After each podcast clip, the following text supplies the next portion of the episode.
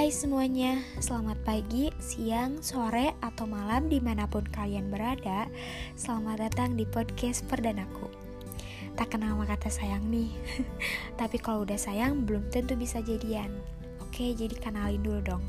Aku Nabila Nisananda Kusuma, mahasiswa baru tahun 2021 di Universitas Pendidikan Indonesia dari program studi pendidikan sosiologi dan dari kelompok 9 Sebelumnya, kalian para pendengar podcast ini apa kabar? Semoga sehat selalu ya dan semoga dikelilingi segala kebaikan. Amin.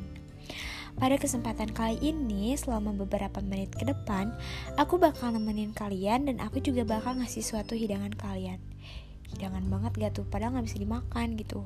Tapi aku yakin ini bisa menambah wawasan kalian tentang masalah yang ada di lingkungan mengenai dari manakah sumber pencemaran air lalu ada beberapa dampak pencemaran air dan semoga aja nanti aku bisa ngasih cara untuk mengatasi terjadinya pencemaran air. Oke kita lanjut aja. Air merupakan salah satu komponen yang paling fatal bagi kehidupan makhluk hidup manusia, tumbuhan, hewan, itu termasuk makhluk hidup. Tidak ada satupun makhluk hidup yang dapat hidup tanpa adanya air. Tanpa adanya air di dunia, maka tidak ada akan juga kehidupan dan akan sangat berbahaya jika air mendadak hilang. Setiap hari kita membutuhkan air bersih untuk minum, mandi, masak, sikat gigi, mencuci piring, mencuci baju, dan masih banyak lagi. Karena air banyak digunakan dalam kegiatan sehari-hari, maka kebersihan air haruslah diutamakan.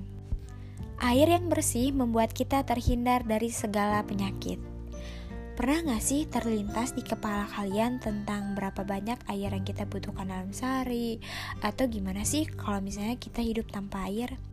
Nah, pada kenyataannya rata-rata setiap orang membutuhkan 80 sampai 100 galon air atau sama dengan 300 liter air bersih setiap harinya yang dibutuhkan untuk melakukan berbagai macam kegiatan yang menggunakan air. Di saat seperti ini, di mana pencemaran air merambah di berbagai macam aspek lingkungan air bersih pun menjadi salah satu hal yang langka di mana pun itu termasuk di Indonesia dan di beberapa daerah tempat tinggalku. Bertambahnya penduduk dunia berarti keperluan air juga bertambah nih. Hal ini menjadi penyebab air bersih lebih sulit untuk didapatkan.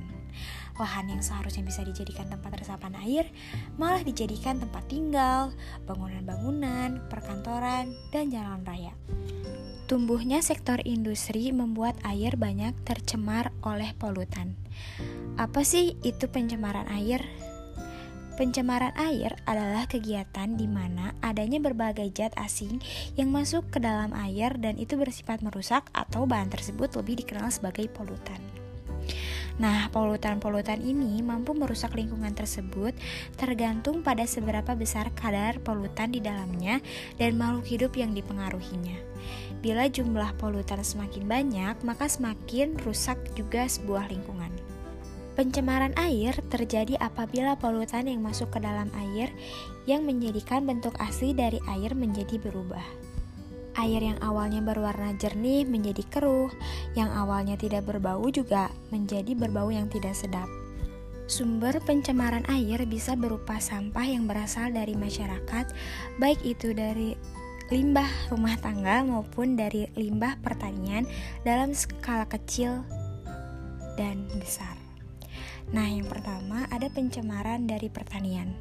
Saat ini banyak petani menggunakan pupuk kimia dan juga pestisida dalam jumlah banyak, maka mampu mengakibatkan kerusakan pada ekosistem yang ada. Hal ini akan lebih parah jika pestisida yang digunakan adalah jenis dari herbisida dan insektisida. Yang kedua, pencemaran dari peternakan dan perikanan. Air dapat mengalami pencemaran dari kegiatan peternakan dan perikanan jika tidak dilakukan pembuangan yang benar pada kotoran hewan dan juga sampah lainnya. Yang ketiga, pencemaran dari industri. Para pelaku industri sangat rawan menghasilkan berbagai jenis limbah yang dapat mencemari air. Biasanya dilakukan oleh mereka, para pelaku bisnis industri yang kurang memahami adanya pencemaran atau hanya sekedar untuk menekan biaya pengolahannya saja. Dan yang keempat, ada pencemaran air dari aktivitas perkotaan. Daerah perkotaan menjadi salah satu tempat yang rawan terjadinya pencemaran air. Hal ini tidak jauh dari jumlah populasi penduduk yang kian makin pesat, sedangkan lahan yang tetap, sehingga menyebabkan munculnya berbagai pemukiman padat penduduk dengan sanitasi yang tidak memadai. Pencemaran air di perkotaan juga bisa disebabkan karena hasil dari pabrik, limbah rumah tangga, kotoran manusia, dan limbah cair lainnya. Pencemaran air juga dapat berdampak sangat luas, seperti banjir karena menumpuknya sampah di perairan, penyakit menular akibat mikroba patogen dalam air, dan rusaknya ekosistem akibat masuknya limbah pupuk dalam suatu danau. Kesadaran diri adalah hal yang paling pertama dan utama. Sumber air yang masih bersih hendaknya tetap dipertahankan kebersihannya. Kita bisa menanam tanaman, terutama tanaman berkayu tebal karena dapat menyerap air dengan baik. Kita jangan membuang sampah ke sungai karena sungai menjadi tercemar dan terjadi penang pendangkalan lalu puncaknya terjadi banjir. Sampah yang bisa didaur ulang diusahakan untuk didaur ulang ya. Lalu industri-industri yang mengeluarkan limbah cair hendaknya diberi penyuluhan agar mereka melakukan pengolahan limbah sebelum dibuang ke sungai. Pemerintah juga hendaknya membuat peraturan yang tegas untuk pembuangan limbah beracun.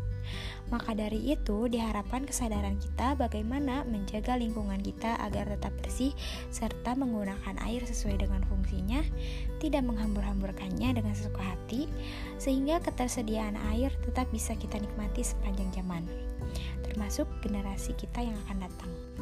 Ayo jaga kelestarian air agar kita bisa tetap hidup. Seperti itulah mengenai sumber dan dampak pencemaran air serta solusi yang ditawarkan pada masalah ini. Aku Nabila Insana Kusuma pamit undur diri. Terima kasih telah mendengarkannya. Jangan lupa jaga kesehatan dan patuhi protokol yang ada. See you next time.